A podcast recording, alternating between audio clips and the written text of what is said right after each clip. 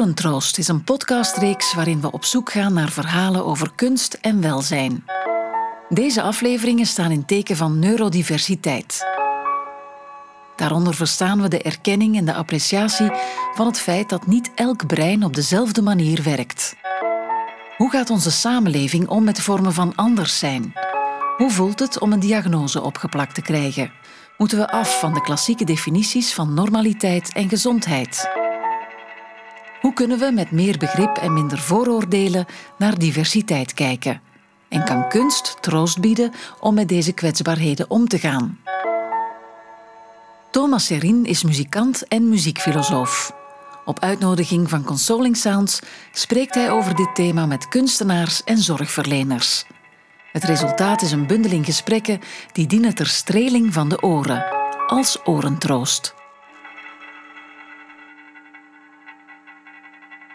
Vandaag heb ik Sigrid van de Pitten te gast. Sigrid is klinisch psycholoog en psychotherapeut met een specialisatie in de behandeling van stressgerelateerde moeilijkheden en eetstoornissen. Al meer dan twintig jaar helpt ze mensen die vaak in de schijnwerper staan veerkrachtig doorheen hun moeilijkheden. In haar vrije tijd is Sigrid ook een grote kunst- en muziekliefhebber. Ik spreek met haar over de rol van de psycholoog in de samenleving, over de zin en onzin van diagnoses, over de kwetsbare kanten van de moderne mens en over de rol die kunstbeleving kan hebben in de levenszoektocht waarmee ieder van ons vroeg of laat geconfronteerd raakt. Dag Sigrid. Dag Thomas. Het zijn uh, speciale tijden vandaag, denk ik. En ik denk dat het toch wel belangrijk is om daar dan even bij stil te staan. Uh, mm -hmm. Hoe is het met jou gesteld de, de laatste tijd? Hè? Er is toch een, bijna al een, een jaar en een half uh, een, een, pandemie gaande. Mm -hmm. Hoe is dat bij jou binnengekomen? Het is een heel bizar jaar geweest. Een uh, jaar waarin dat iedereen voor nieuwe uh, gegevenheden is komen te staan. Voor mij in het bijzonder heeft dat gemaakt dat ik uh, eigenlijk zo goed als al mijn cliënten het afgelopen jaar niet meer in mijn praktijk zie, maar enkel nog online. Mm -hmm. Wat zowel voor mij als voor mijn cliënten een hele aanpassing toch geweest is. En op persoonlijke vlak um, ja, merk je dat er ineens heel veel sociaal contacten um, danig verminderd zijn. Uh, heel veel vanzelfsprekende knuffels en aanrakingen die, um, ja, die je al heel lang moet missen. En in het begin gaat dat eigenlijk wel. Ik ben een redelijk introvert iemand, dus op zich vond ik dat in het begin nog wel niet zo moeilijk. Maar hoe langer dat, dat duurt, hoe meer dat je merkt dat dat dingen zijn die, uh, die je nodig hebt als tegengewicht tegen het zwaardere van ons beroep. Nu, je geeft het zelf al aan van je hebt op een andere manier moeten werken met je cliënten. Mm -hmm. Heb je het gevoel dat dat dan ook dezelfde resultaten boekt? Omdat natuurlijk dat digitale contact helemaal anders zal zijn dan iemand die voor je zit in je praktijk. Ja. Heb je het gevoel dat je sommige patiënten misschien ook verliest in, in een soort van ja, connectie, dat je moeilijker vindt om die mensen digitaal te bereiken? Ik zou zeggen, voor 90% is dat niet het geval. Mm -hmm. Net door, want ik werk met een koptelefoon en dan maakt dat eigenlijk de stem van mijn cliënten nog centraler in mijn hoofd zit. Mm -hmm. Dat maakt het contact op een bepaalde manier eigenlijk uh, intenser. Maar langs de andere kant, er zijn ook een aantal technieken, zal ik maar zeggen, of, of ja, methodes die ik hanteer, die uh, veel moeilijker te vertalen zijn naar een, uh, een digitale omgeving. Mm.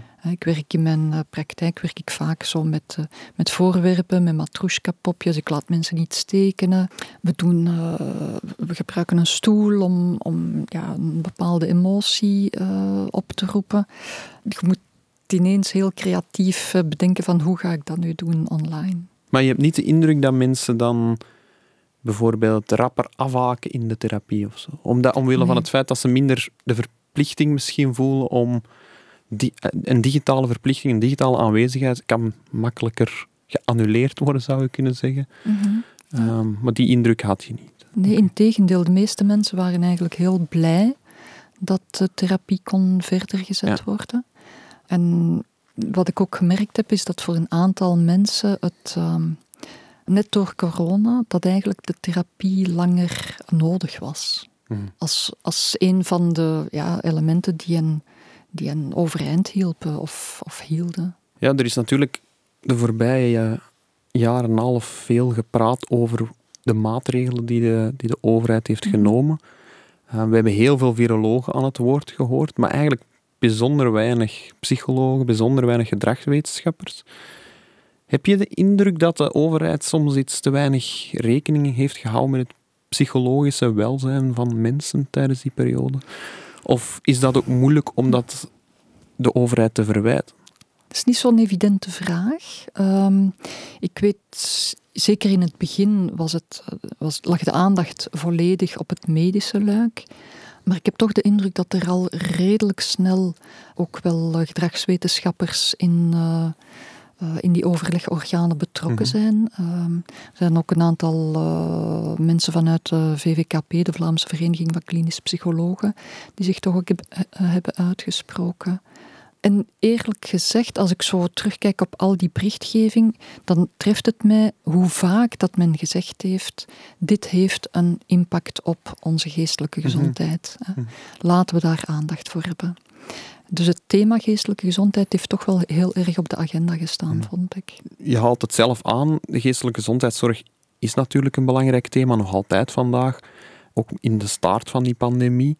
In het begin, en zeker nu, zijn er heel veel stemmen die zeggen van eh, ja, er gaat een overvloed gaan komen van psychische problemen.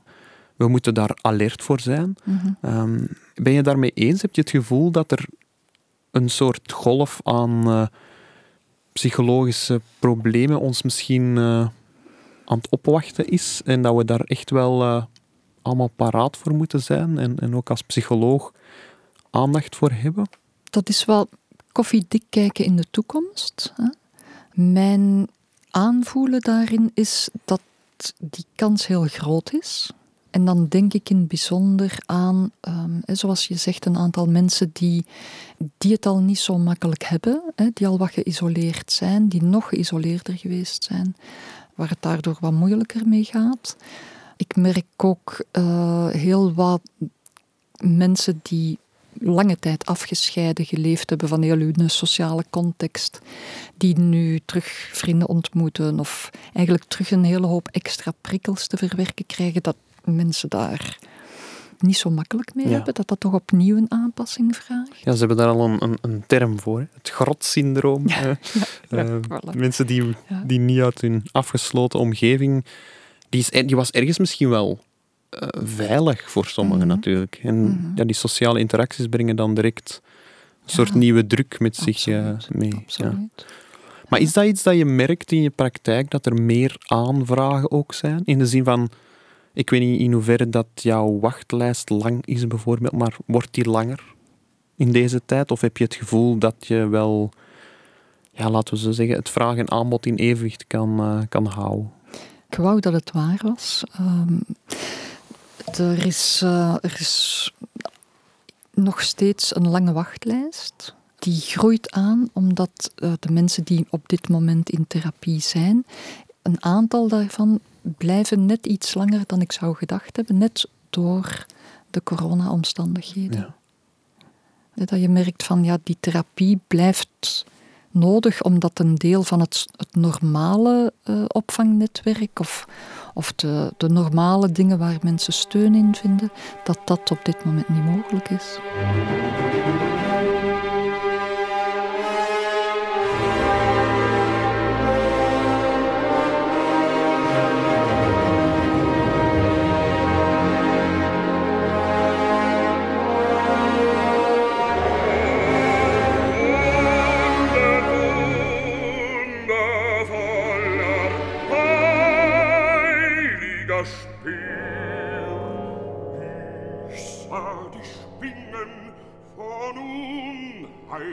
nächster Hand.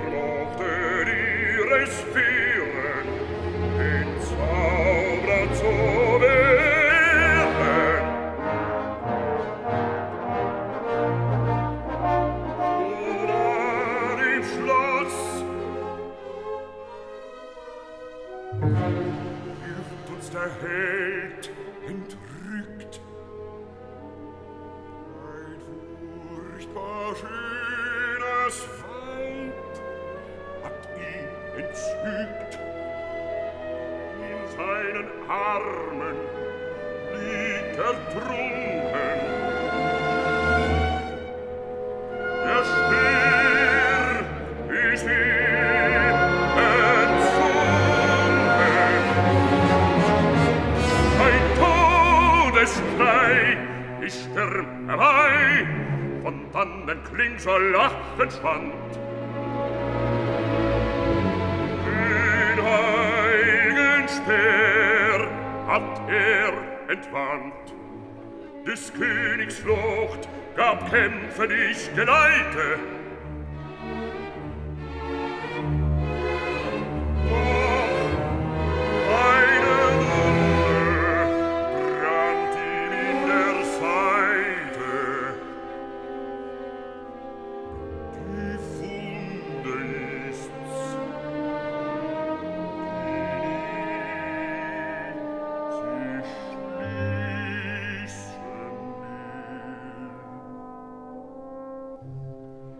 Jij werkt vooral met mensen die vaak in de schijnwerpers staan, hè, ook vaak met bepaalde problematieken geconfronteerd eh, worden.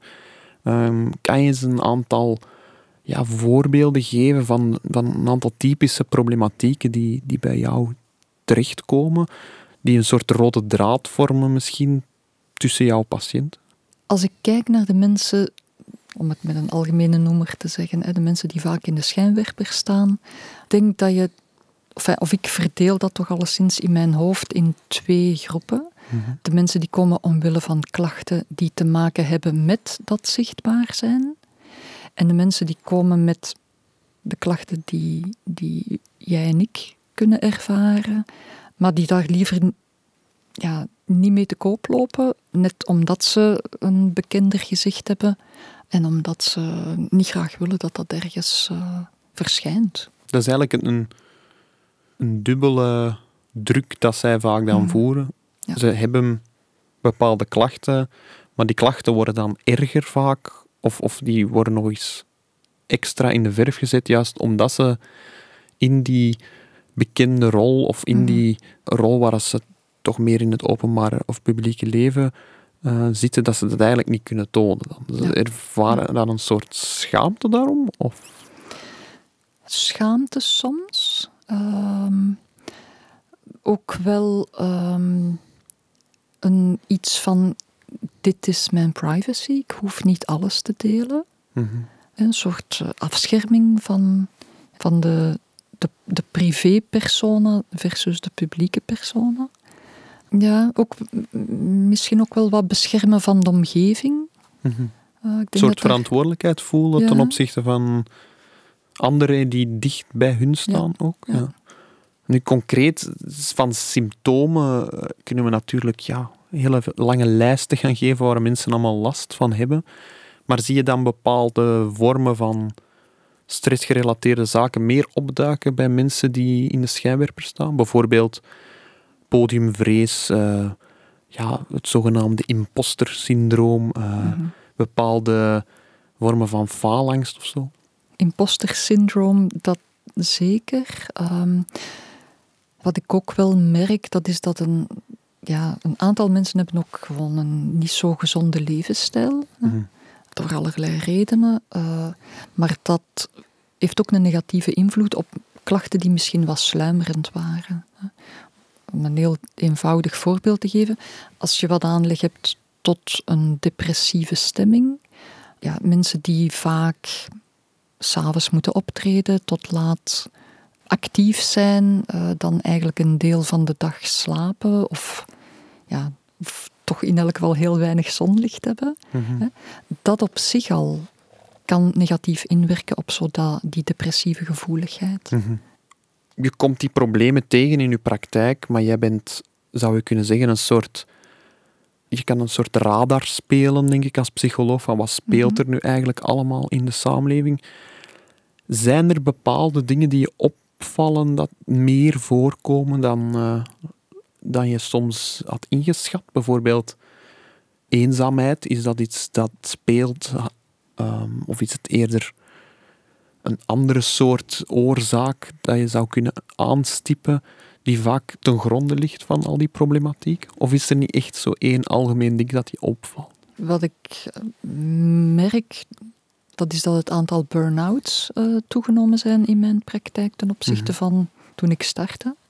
En wat ik ook merk, ja, ik weet niet hoe dat ik dat juist precies moet zeggen, maar zo ik, doorheen de jaren werken stel ik vast dat trauma, schokkende gebeurtenissen, moeilijke gezinssituaties met echt hè, hevige uh, implicaties, dat dat eigenlijk veel meer voorkomt dan ik uh, mij realiseerde als jonge mhm. psycholoog.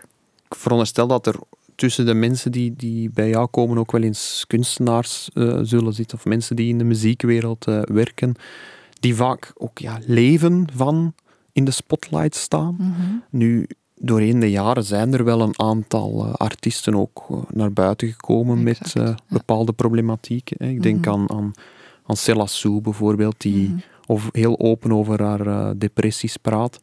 Vind je dat een goede ontwikkeling, dat ja, artiesten en, en, mensen in die wereld dat toch in ieder geval proberen openbaar te maken? Of heb je zoiets van, dat kan ook gevaarlijk zijn voor dan ja, de gevoeligheden die ze al hebben, mm -hmm. de kritiek die dan ja. Eh, soms ook op sociale media verschijnt. Hè, want mhm, dat, dat mhm. is toch iets dat vaak uh, heel hard kan binnenkomen. Ja. Als je zo pionier bent in iets, hè, zoals, zoals een Selassou die zegt van het gaat eigenlijk niet zo goed met mij en dat ook toelicht. Als ik daar naar kijk vanuit het oogpunt van hoe, hoe is dat voor jouzelf, dan hou ik soms wel mijn hart vast. Hè. Mhm. Dan hoop ik vooral dat ze dat goed doordacht heeft en dat ze dat hè, goed heeft afgewogen en goed besproken met haar omgeving. Want als pionier sta je nog extra in de spotlight met een heel gevoelig thema in dat hè, zo nauw raakt aan wie je bent. Mhm. En je, je kan je verwachten aan, aan, een, uh, ja, aan kritiek en aan commentaar. Maar als ik kijk vanuit, ja, wat, wat kan dat teweeg brengen bij mensen die iets gelijkaardigs ervaren, ja, dan kan ik dat echt alleen maar toejuichen. Je merkt met heel die campagne van Te Gek dat er verschillende mensen zijn die, die een bekende naam hebben, die een hele schare fans hebben en die niet terughoudend zijn om over die dingen te spreken. Mhm. En hoe meer mensen dat doen, ja, hoe, hoe, makkelijker het ook wordt voor de volgende om te zeggen, ja, ik heb ook ergens last van. Denk je dat dat, dat ook uh, ervoor kan zorgen dat misschien mensen ook, laten we zeggen, minder nood gaan hebben aan psychologische hulp soms? Omdat natuurlijk het wel opvalt. Hè? Er zijn lange wachtlijsten, mhm. zowel bij psychiaters als bij psychotherapeuten als bij psychologen. Ik geloof dat er een groot deel van zal zijn die effectief psychologische hulp direct ook nodig hebben. Maar de vraag mhm. is, hoe zijn die daar uh, toe gekomen? Moeten we onze maatschappij misschien op een andere manier indelen, zodat de psycholoog misschien ook ja, een beetje van zijn werk misschien uh, over kan geven aan, aan, de, aan de samenleving zelf? Dan komen we natuurlijk op een ander terrein. Het zou fantastisch zijn, hè? moest er meer geïnvesteerd kunnen worden in preventie, zodanig dat iedereen kan opgroeien in een goed gezin, uh, waar er voldoende eten en drinken en zorg is, zodanig dat je een goede basis hebt, hè? Dat, uh, dat ouders ondersteund worden in hoe ga je om met je kinderen, want daar begint het uiteindelijk mhm. vaak al. Maar dat is, dat is zo'n zo'n basiswerk. Hè? Waar trouwens al heel wat in gebeurt. Ik wil dat zeker niet, uh, niet tekort doen. Maar uiteindelijk, wat dat wij doen, dat is het curatieve. Hè. Wanneer het onheil geschied is, om welke reden dan ook. Mhm. Proberen om, uh, om mensen daar op een andere manier uh, in te helpen. En die andere manier, hoe kenmerkt zich dat? Want, want als psycholoog heb je een bepaalde positie. Um, om eventjes met een cliché te zeggen, er zijn sommige mensen die dan zeggen, ja, waarom, waarom kan ik niet gewoon met een vriend daarover praten? Mhm. Welke speciale positie of welke speciale rol uh, kan je als psycholoog uh, innemen in zo'n situatie? Waarom is het soms nodig om met een psycholoog te gaan praten? Ten eerste, ik denk dat vrienden waanzinnig belangrijk zijn. Een goed netwerk van vrienden lost inderdaad al heel wat op of maakt het draaglijk. Hè? Maar op een zeker moment kan het zijn dat dat niet voldoende is. Dat je ergens in vastloopt en dat je een ander soort aanbod nodig hebt om daarmee om te gaan. En dat is wat de psycholoog jou kan bieden, hè, wat de psychotherapeut doet. Dat is zoeken naar wat is in jouw specifieke geval, voor jou als uniek persoon, de beste manier om jou verder te helpen. Mhm. Ik zou daar graag heel algemene uitspraken over willen doen, maar uiteindelijk hangt het heel erg af van waar wordt deze persoon mee geconfronteerd. Ik denk wat wij doen in therapie is um, mensen doen reflecteren op wat gebeurt er nu eigenlijk precies met mij? Mhm. Wat is er hier aan de hand? Uh, mensen een, een zicht laten krijgen op hun functioneren. Anderzijds kunnen we ook een aantal vaardigheden inoefenen en aanbieden en, um, en, maar, maar een is, ander aanbod doen. Ja. Het, het, is voor jou wel een, een, een reflectieve job eigenlijk. In de zin van de psycholoog moet reflectie, uh, zelfreflectie aansporen, zelfinzicht misschien. En, en, en een soort kader creëren waar dan die persoon zichzelf begint te helpen? Of hoe werkt dat dan juist? Want ik ga er zometeen een citaat bij nemen dat misschien interessant mhm. kan zijn. Maar een vraag die dan gesteld kan worden is, is de rol van de psycholoog dat het probleem waar een patiënt mee afkomt, moet de psycholoog dat oplossen? Of moet de psycholoog een ander doel uh, nastreven? Mijn stroming in de psychotherapie dus de persoonsgerichte psychotherapie, gaat ervan uit dat wij als psychotherapeuten mensen helpen via een aantal verschillende soorten interventies om zelf verantwoordelijkheid op te nemen voor hun eigen leven. Mhm. Dat is eigenlijk de essentie. En we kijken wat is nodig om dat doel te kunnen bereiken. En heel soms kan het zijn dat we dan iets adviseren. Mhm. Maar dat proberen we echt zo weinig mogelijk te doen. Mhm. Mensen zijn geen uilen, hè? mensen zijn verstandig. Als het een kwestie was van, ah, maar je moet dit doen, ja, dan waren ze er zelf al opgekomen. Mm Ja, het is mooi dat je dat zegt, omdat ik, was een paar jaar geleden uh, heel ge, gecharmeerd door een uitspraak van, van Parker Palmer. Ik weet niet of je die kent, maar dat is een, een, een pedagoog uit Amerika die ook heel veel schrijft over eh, de rol van psychologie en zorg in de, in de samenleving. In een van zijn boeken zegt hij dat de menselijke ziel niet geadviseerd of opgelost of gered wilt worden, mhm. maar dat die eigenlijk uh, gewoon beschouwd wilt worden. In de zin van aanschouwd wilt worden mhm. met zijn kwetsbaarheden, met zijn problemen. Mm er moet gewoon aandacht zijn, erkenning eigenlijk. hij geeft ook een heel sterke kritiek op, op de adviescultuur waar we in zitten ik moet zeggen dat ik dat persoonlijk ook wel uh, erken. Uh, dat wanneer dat je zelf persoonlijk met een, ja, een, een, probleem afkomt uh, bij iemand, of, of, een, of een symptoom of een, mm een, een, een, conflict, dat mm iedereen heel rap de neiging heeft om advies te geven. Maar dat is heel vaak ongevraagd. Mm um, en wat jij dan zegt van, ja, als het zo simpel was geweest als misschien moet je eens een paar toeretjes gaan lopen om te bekomen, dan zullen de meeste mensen dat inderdaad zelf al uh, bedacht kunnen ja, hebben. Ja. Um, maar dat is wel interessant, vind ik, dat de psycholoog dan vreemd genoeg door geen advies te geven, maar vooral luistert, erkenning geeft aan de problematiek, dat op een of andere manier dus de patiënt zichzelf kan genezen, uh, tussen haakjes, uh, door verantwoordelijkheid, door, ja, door inzicht in zijn eigen problematiek? Of hoe, hoe gaat dat dan? Ik ga het wat nuanceren. Mhm. hè? Als er onderzoek wordt gedaan naar wat maakt nu dat een therapie succesvol is, dan blijkt dat 30% van, de, van het goede resultaat um, is terug te schrijven aan de werkrelatie die je opbouwt met je therapeut. Hè. En een goede werkrelatie is een relatie waarin dat je gezien wordt, erkend wordt, aanvaard wordt en waar dat je in een echt contact staat met je therapeut. hè. En dus dat, denk ik, sluit aan bij jouw, jouw eh, citaat. Hè, dat mensen acknowledged willen zijn. Mensen willen gezien worden, mensen willen gehoord worden. En dat op zich is al enorm helpend.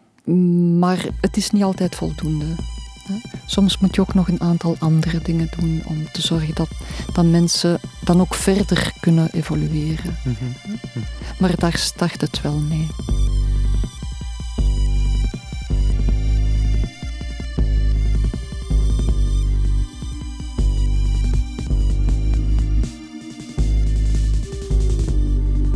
If travel is searching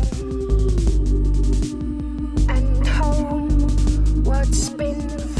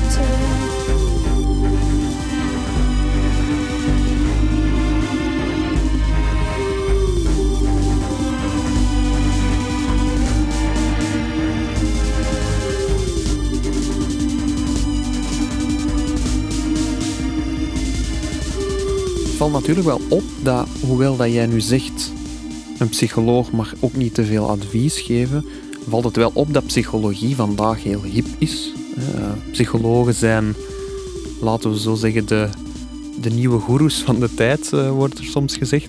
Eh, met de filosofen blijkbaar, want die hebben ook heel veel aandacht in de media vaak. Nu, mensen zoals Dirk de Wachter bijvoorbeeld, of Paul Verhagen, die horen bij de meest, eh, allee, de best verkopende auteurs van, eh, van Ja. België. Ehm, het lijkt toch dat we allemaal eh, heel veel nood lijken te hebben aan een soort psychologisch kader, Mhm. waarin dat we onze eigen pijn of ons eigen leed kunnen begrijpen. Mhm, mhm. Het is natuurlijk ook opvallend dat de cijfers van een heleboel problematiek heel hard stijgen. hè. We hebben eh, meer burn-outs, meer depressies, angstproblematieken stijgen ook sterk. Eh, we zien dat ook in medicatie. hè. Er is, er is nog nooit zoveel antidepressiva of eh, eh, slaapmiddelen, kalmeringsmiddelen genomen. Eh, wij behoren nog altijd in België tot een van de landen die, die het hoogste suïcidecijfer, een van de hoogste suïcidecijfers heeft van, eh, van Europa en van, van, van de wereld ook. Dat valt wel op natuurlijk. Eén- enerzijds die aandacht voor psychologie, anderzijds die stijging van, van, van problemen. Zitten wij meer en meer in een mentale onbehagen of is er iets anders aan de hand in onze samenleving? Waar ik van uitga, dat is als mensen het moeilijk krijgen, dat dat vaak een samenspel is van wat psychisch gevoeliger te zijn, een soort biologische gevoeligheid te hebben. En omstandigheden. Het kan zijn dat er een van jouw steunfiguren overlijdt en dat dat net, ja, net de druppel is die je doet kantelen. Of dat je zwanger wordt en, en dat dat angsten oproept. Ehm, en dan natuurlijk heb je de sociale context. Hè. En in wat dat je nu zegt, hoor ik jouw vraag van, ja, heeft dat misschien een, eh, een invloed? En mijn kijk, maar ja, dat is echt mijn kijkje, is dat ehm, druk en spanning alsmaar toeneemt. Hè. Er wordt heel wat van ons verwacht. En we moeten het ook goed doen op alle vlakken. Maar het is misschien interessant dat ik een aantal veel gehoorde kritieken op de psychologie er, eens bij neem. Eentje, eentje is bijvoorbeeld, zeker de laatste jaren, is er veel kritiek op het gebruik van de DSM, psychiatrische handboek voor, voor stoornissen. Een veel gehoorde kritiek daarop is dat eigenlijk vaak heel gewone menselijke emoties eigenlijk ge- gepsychologiseerd worden. En dat die daardoor ook gemedicaliseerd worden en dat eigenlijk meer en meer stoornissen erbij komen. Hè. Elke DSM krijgt meer stoornissen, waardoor eh, ja, dat we de indruk lijken te hebben dat meer en meer mensen eh, ziek zijn. Is dat een terechte kritiek eh, op die DSM of, of heb je daar ook het gevoel bij dat dat misschien wat uit context wordt getrokken? Bijvoorbeeld heel veel psychiaters zeggen van ja, maar eigenlijk is die DSM geen waarheid, maar eerder een handboek dat wij gebruiken en dat vooral niet de openbare, de, openbaar, de burger Ja. zelf eh, moet gaan interpreteren. Ja. Wel, als het op die manier gehanteerd wordt, dan kan ik mij wel in de DSM vinden. Hè. Het verschaft een soort gemeenschappelijke taal tussen hulpverleners die elkaar niet kennen, hè, maar waarbij dat je zegt van ik zie bij deze cliënt of deze patiënt deze kenmerken, hè, DSM zegt dat, en dan weet je onmiddellijk als andere hulpverlener, ah ja, het zit wat in die categorie. hè. Maar natuurlijk, het is heel reductionistisch. Hè?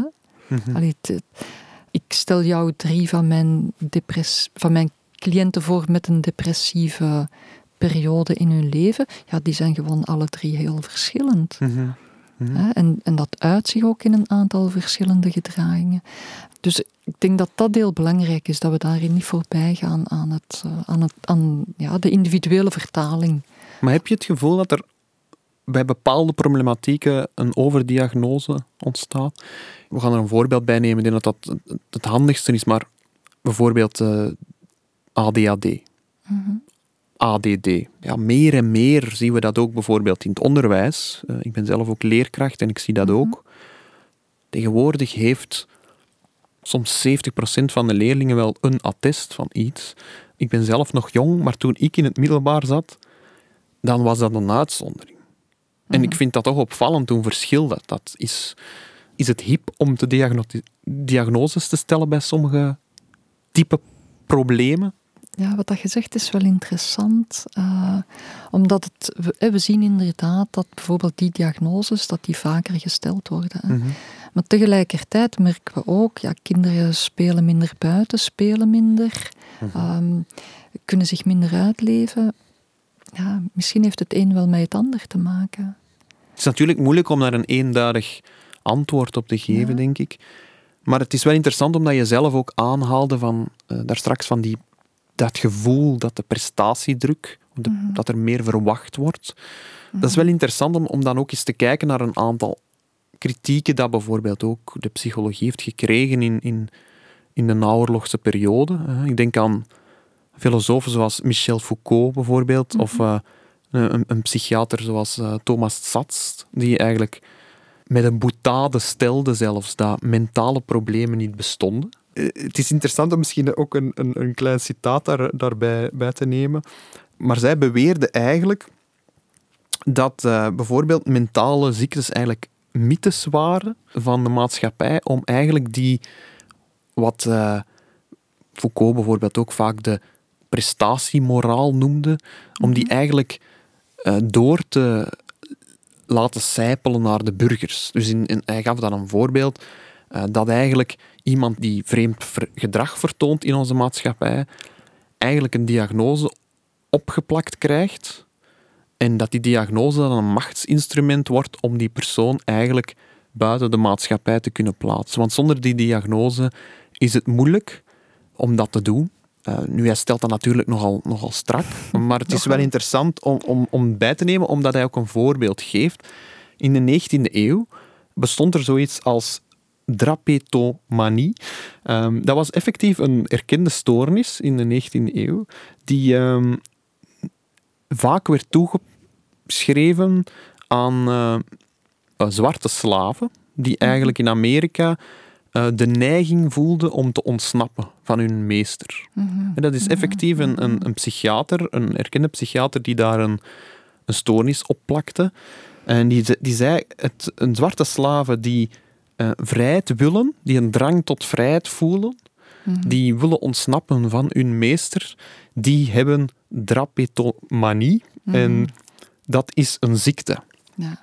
Natuurlijk, als we zoiets horen vandaag de dag, dan, eh, dan beseffen we ook dat dat natuurlijk op weinig slaat. Maar het, het geeft wel weer dat een maatschappelijke norm, hè, tijdens de aanvaarding van de slavernij, was het blijkbaar eh, niet zo vreemd om, om op die manier te denken.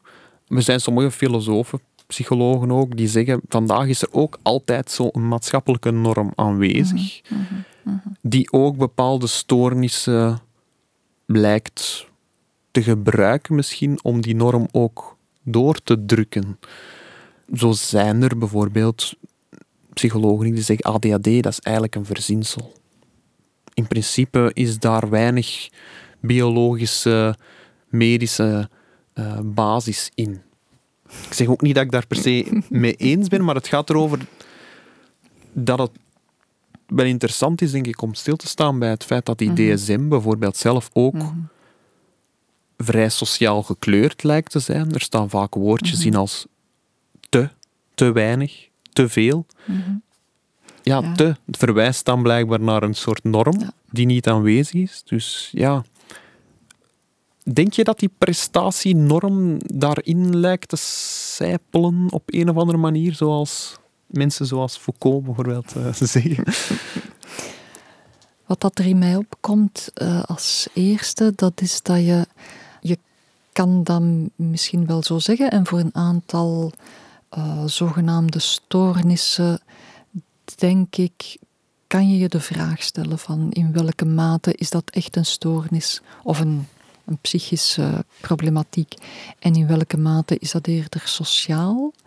Maar het neemt niet weg dat mensen lijdensdruk ervaren. hè. En dat is wat voor mij de norm. Je kan wel zeggen, ja, het ligt aan de maatschappij, maar mensen functioneren wel in die maatschappij.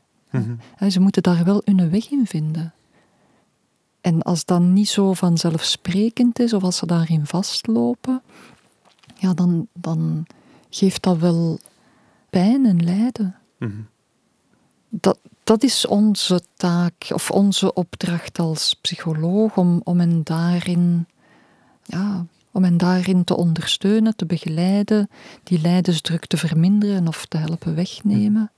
Ik probeer in mijn eigen praktijk zo weinig mogelijk te spreken over stoornissen, maar, maar meer over eh, ja, moeilijkheden of, of een, een bepaalde structuur die mensen hebben.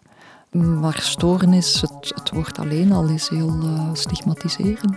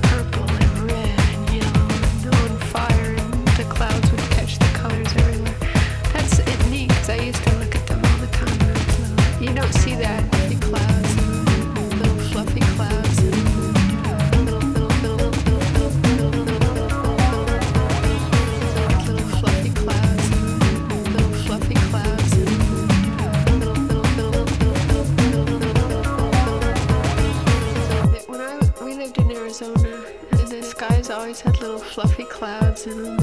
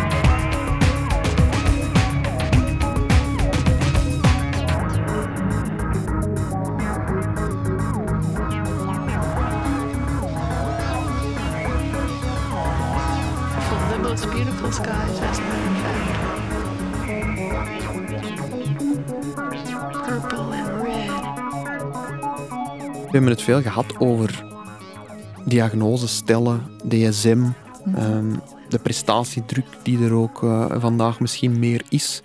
Sommige psychologen kijken ook nog naar andere oorzaken voor het leed van vandaag. Eh, zo is er bijvoorbeeld een, eh, een sociaal psycholoog in, in Amerika die vrij bekend is, Brené Brown, die heel veel met kwetsbaarheid bezig is. En ja, haar onderzoek heeft mij toch ook wel geprikkeld, omdat ze eigenlijk gedoctoreerd heeft op het idee van kwetsbaarheid als voorwaarde voor verbinding. Eh, zij kwam met data in contact die heel duidelijk toonden dat het specifiek dan in Amerika heel slecht ging met de mentale gezondheid van de, van de burgers. Zij zag daar ook een heel harde stijging van drugsproblematieken. En zij vroeg zich eigenlijk in, in alle eerlijkheid af, hoe komt dit? En kan ik daar toch ergens een soort rode draad in vinden tussen die verschillende problematieken? Zij heeft veel mensen geïnterviewd en ook een aantal data verzameld. En daar kwam uit dat eigenlijk eh, al die mensen op een of andere manier moeite hadden met kwetsbaarheid. En dat kwetsbaarheid vaak een soort van concept was, een, een gevoel ook, dat eigenlijk telkens terugkwam in die gesprekken. En zij definieerde kwetsbaarheid als een element in een situatie eh, dat vaak gelinkt is aan, aan bepaalde gevoelens die altijd met onzekerheid te maken hebben, die op een of andere manier ook altijd risicovol aanvoelden. Eh, in de zin van, mensen voelen zich vaak kwetsbaar in een situatie waar ze iets te verliezen hebben. Zij connecteerde dat ook heel vaak aan, en dat vond ze dan opvallend, aan situaties die mensen achteraf als belangrijk in hun leven aanschouwden. Dus langs de ene kant voelen we ons kwetsbaar en willen we dat afschermen, zegt zij. Maar langs de andere kant zijn die kwetsbare momenten juist de momenten om verbinding aan te gaan met mensen. En zij stipt eigenlijk op een bepaald moment in haar onderzoek aan dat, dat de moderne mens moeite heeft om die kwetsbaarheid aan te gaan. Om die kwetsbare momenten aan te gaan en daar ook verder op te gaan en eigenlijk zichzelf kwetsbaar te, te leren opstellen, dat we daar blijkbaar moeilijk mee hebben, omdat we dan de neiging hebben om dat heel snel te verdoven met medicatie, met, met van alles en nog wat. En zij, ja, zij vraagt zich af, ja, hoe kunnen we daar anders mee omgaan? Want zij, zij ziet dat echt als een oorzaak voor die problematiek. Zij zegt echt, omdat we niet met kwetsbaarheid om kunnen, daardoor eh, grijpen we rapper naar drugs, grijpen we rapper ook naar, naar, naar de psycholoog, eh, grijpen we rap- rapper naar therapie en zo verder en zo verder. Puur en alleen omdat die kwetsbaarheid te groot wordt, die de realiteit dat het leven niet altijd een feest is, die realiteit dat het leven leed kent, dat we daar gewoon niet, niet om mee kunnen. Ehm, en dat we daardoor eigenlijk ja, ook allemaal moeilijkere verbinding aangaan, waardoor we ons eenzamer eh, voelen. Het is een, het is een vrij uitgebreide analyse, maar ik vroeg mij wel af hoe dat jij naar zo'n analyses eh, kijkt. Ik denk dat dat, ehm, ja, ik zal de laatste zijn om te zeggen dat Brene Brown ongelijk heeft. Dat is een, eh, een naam als een klok. Hè. Als ik zo kijk naar mijn ervaring en naar mijn praktijk en naar mijn omgeving, dan sluit ik mij daar zeker bij aan. Ik merk dat het voor, ehm, voor veel mensen eh, niet evident is om ten eerste om, om al bij zichzelf te, te voelen welke thema's of welke emoties of welke beleving dat er aanwezig is. Hm. En als, als ze dat dan al kunnen, dat het ehm, ook niet altijd makkelijk is om daar de juiste woorden aan te geven. En als ze dat al kunnen, dat het dan heel moeilijk is om dat te, uit te spreken tegenover iemand anders, die daar dan ook nog eens op een goede manier mee omgaat. Er zit veel angst achter die, die Ah, zaken ja. dan. Want wat, wat Brené Brown dan aanhaalt is dat de kern van waarom we die kwetsbaarheid niet aankunnen eigenlijk ligt bij een soort angst om niet begrepen te worden, maar ook een soort van angst om de pijn die toch ergens bij dat kwetsbaar zijn hoort, dat we bang zijn dat we dat niet, niet gaan kunnen verwerken. Hè. Zij geeft Ja. De pijnlijke realiteit die zij zelf blijkbaar, want ze was zelf blijkbaar iemand die zelf ook moeite had met, Mhm, met zich mhm, kwetsbaar mhm. opstellen. Eh, het is wel interessant omdat je ze op een bepaald moment aanhaalt van kijk, het leven is een arena. De enige manier om, om te leven is om die, die arena te betreden. En in die arena kan er van alles leuk gebeuren, maar kan er ook, je kan ook Ja. gewond geraken.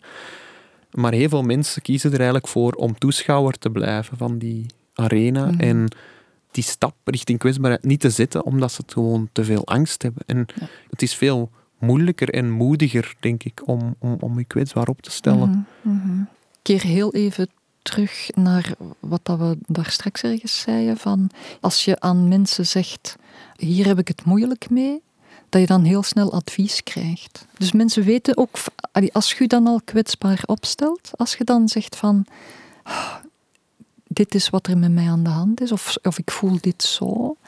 Heel veel mensen weten gewoon niet hoe, hoe dat ze dat moeten hanteren. Het wordt afgeserveerd. En dat is extra pijnlijk. Hè? Als ik gewoon zeg, goh, ik heb vandaag niet zo'n beste lunch gehad en jij zegt, oh ja, weet je wat, neem dan een ander broodje de volgende keer. Dat is niet erg, dat is niet pijnlijk. Maar als ik zeg, ik zie er echt vanaf dat ik dit en dit heb meegemaakt en ik voel me echt hulpeloos en moedeloos. En ja, dat maakt het voor de luisteraar veel ongemakkelijker. Mhm.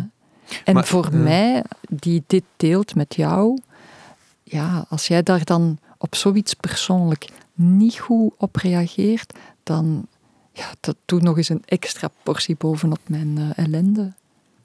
En dat is een van de dingen die wij, ehm, die wij als therapeut heel goed moeten leren, om zo Mhm. het, het niet weten, het niet handelen te kunnen verdragen. En dat is iets wat voor, ja, voor iedereen ook heel lastig is. Hè? Om gewoon te blijven bij wat er is. De training in het niet weten vind ik wel mooi om, om misschien ook een beetje te zien als een psychologische kwaliteit. hè. Mhm. Als, als, want het is toch opvallend in, in, een- in een samenleving waar alles zo gericht is naar kennis, dat eigenlijk een psycholoog dan eigenlijk de stap moet zetten om te beslissen ik kies ervoor om een houding aan te nemen van onzekerheid, van niet weten, van Mhm. niet handelen. Wat ze Mhm. trouwens in, de, in het Taoïsme wu-wei noemen. Mhm. Een heel mooie term, vind ik. Ik vind het altijd heel eigenaardig dat dat dan helpt. Want ergens is dat dan toch... Dat lijkt zo eenvoudig ook, hè, maar ergens extreem complex. Dat is fascinerend. Of zo. Ja. Ja. ben zelf ook supervisor, dus ik mentor therapeuten in opleiding. En dat is een van de dingen die heel vaak terugkomen. Dat is dat, ja, die willen te rap van alles gaan doen. En dus zo gewoon blijven bij wat er is. En daar de tijd aan geven. Dat is wat de cliënt nodig heeft. Hè. Gehoord worden, gezien worden, erkend worden, zonder dat het ineens gefixt moet worden op, Ja. op een of andere manier. We hebben het al vaak gehad over wat de oorzaak zou kunnen zijn, hè, van waarom dat de moderne mens lijdt aan bepaalde problematieken. Eh, we hebben het gehad over prestatiedruk. We hebben het gehad over het feit dat er misschien meer mensen eenzaam kunnen zijn, eh, dat er een moeilijke context is, eh, moeilijke jeugd en zo verder. Nu, er zijn ook bepaalde mensen die op een, ja, laten we zeggen, andere manier daarnaar kijken en heel hard de focus gaan leggen op zingeving. In Noorwegen is er bijvoorbeeld een, een, een filosoof, eh, Lars Svensson, en die, die heeft een boekje geschreven over, over verveling. En ik vond het wel interessant omdat hij eigenlijk een onderscheid maakt tussen twee soorten verveling. Hij zegt, je hebt de verveling die iedereen kent, namelijk eh, je staat te wachten op een bus bijvoorbeeld, die komt niet opdagen, je hebt niet echt iets om handen en je kijkt wat er rond en je begint een beetje vervelend eh, te worden. Die Svensson zegt, heel typisch aan die verveling is dat, dat vandaag de moderne mens dat oplost met zijn gsm of eh, met entertainment, een spelletje te beginnen spelen en zo verder. Maar hij zegt eigenlijk dat die verveling ergens ook een, een kenmerk kan zijn van een dieperliggende vorm van verveling. En hij noemt dat existentiële verveling. En hij zegt eigenlijk dat dat anders dan de gewone verveling niet een gevoel is, maar een soort stemming. Eh, een stemming waar iemand in eh, kan vertoeven. En hij definieert die eigenlijk als een soort algemeen gevoel van het besef van een vorm van leegte, een vorm van zinloosheid. Hij hij merkt dat dat iets heel kenmerkend is voor de hedendaagse mens, dat er een soort leegte lijkt aanwezig te zijn eh, waar we moeilijk mee om kunnen. Ehm, snap je zijn analyse of heb je daar zoiets van, ja oké, heeft misschien wel een, een punt of, of ziet hij daar iets over het hoofd? Heel wat mensen, zowel in mijn praktijk als rondom mij, stellen zich op een zeker moment inderdaad wel de vraag van wat maakt voor mij nu het leven zinvol? En ik denk dat dat een cruciale vraag is. hè. Waar het antwoord jammer genoeg niet altijd evident op is. Hè? Want als je, als je kijkt naar het, eh, onze plaats in het grotere geheel der dingen, dan denk je echt van ja, of ik er nu ben of niet, veel verschil maakt het niet. Maar dat is net ook het moeilijke. Hè? Je kan jezelf en je, je belang zo kapot relativeren dat, het, dat er niks van overschiet. hè. En, en dat is wat je soms ziet bij mensen met een ernstige depressie. Hè? Dat ze zeggen, ja, ik beleef er geen lol aan en ik heb geen enkele toegevoegde waarde op deze aardbol. Dus ik kan er even goed niet zijn. hè. Gelukkig zijn er heel veel mensen die wel op een of andere manier met die leegte of met die tijdelijke leegte, dat tijdelijk gevoel van leegte weten om te gaan en die wel iets van, van zingeving eh, weten te vinden. Maar het is interessant omdat die Svensson ook zegt. Het lijkt een pessimistische boodschap die ik breng, maar eigenlijk gaat het puur over het feit dat het belangrijk is dat we beseffen dat die leegte bij iedereen aanwezig Voilà. is en dat die daarover gecommuniceerd moet worden. En dat dat eigenlijk een realiteit is waar wij als mens tot veroordeeld zijn, laten we zo zeggen, om daarmee om te gaan. Hè.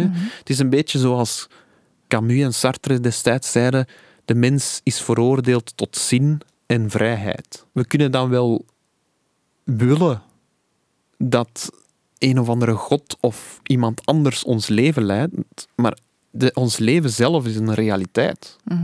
Voilà. En we gaan daarmee moeten leren omgaan. En, en dat, dat is natuurlijk wel, wel, interessant als je erbij stilstaat dat de realiteit van het leven zelf er altijd is. En, en dat dat op zich volstrekt normaal mag zijn om daar dan een soort leegte bij te voelen. Ik, het lijkt dat daar ook een soort schaamte rond bestaat, vind ik. Dat als je zoiets zegt, dan, eh, dan denkt iedereen ook meteen dat, eh, dat je inderdaad een, een soort zwartgallige visie op het leven hebt. Of zo.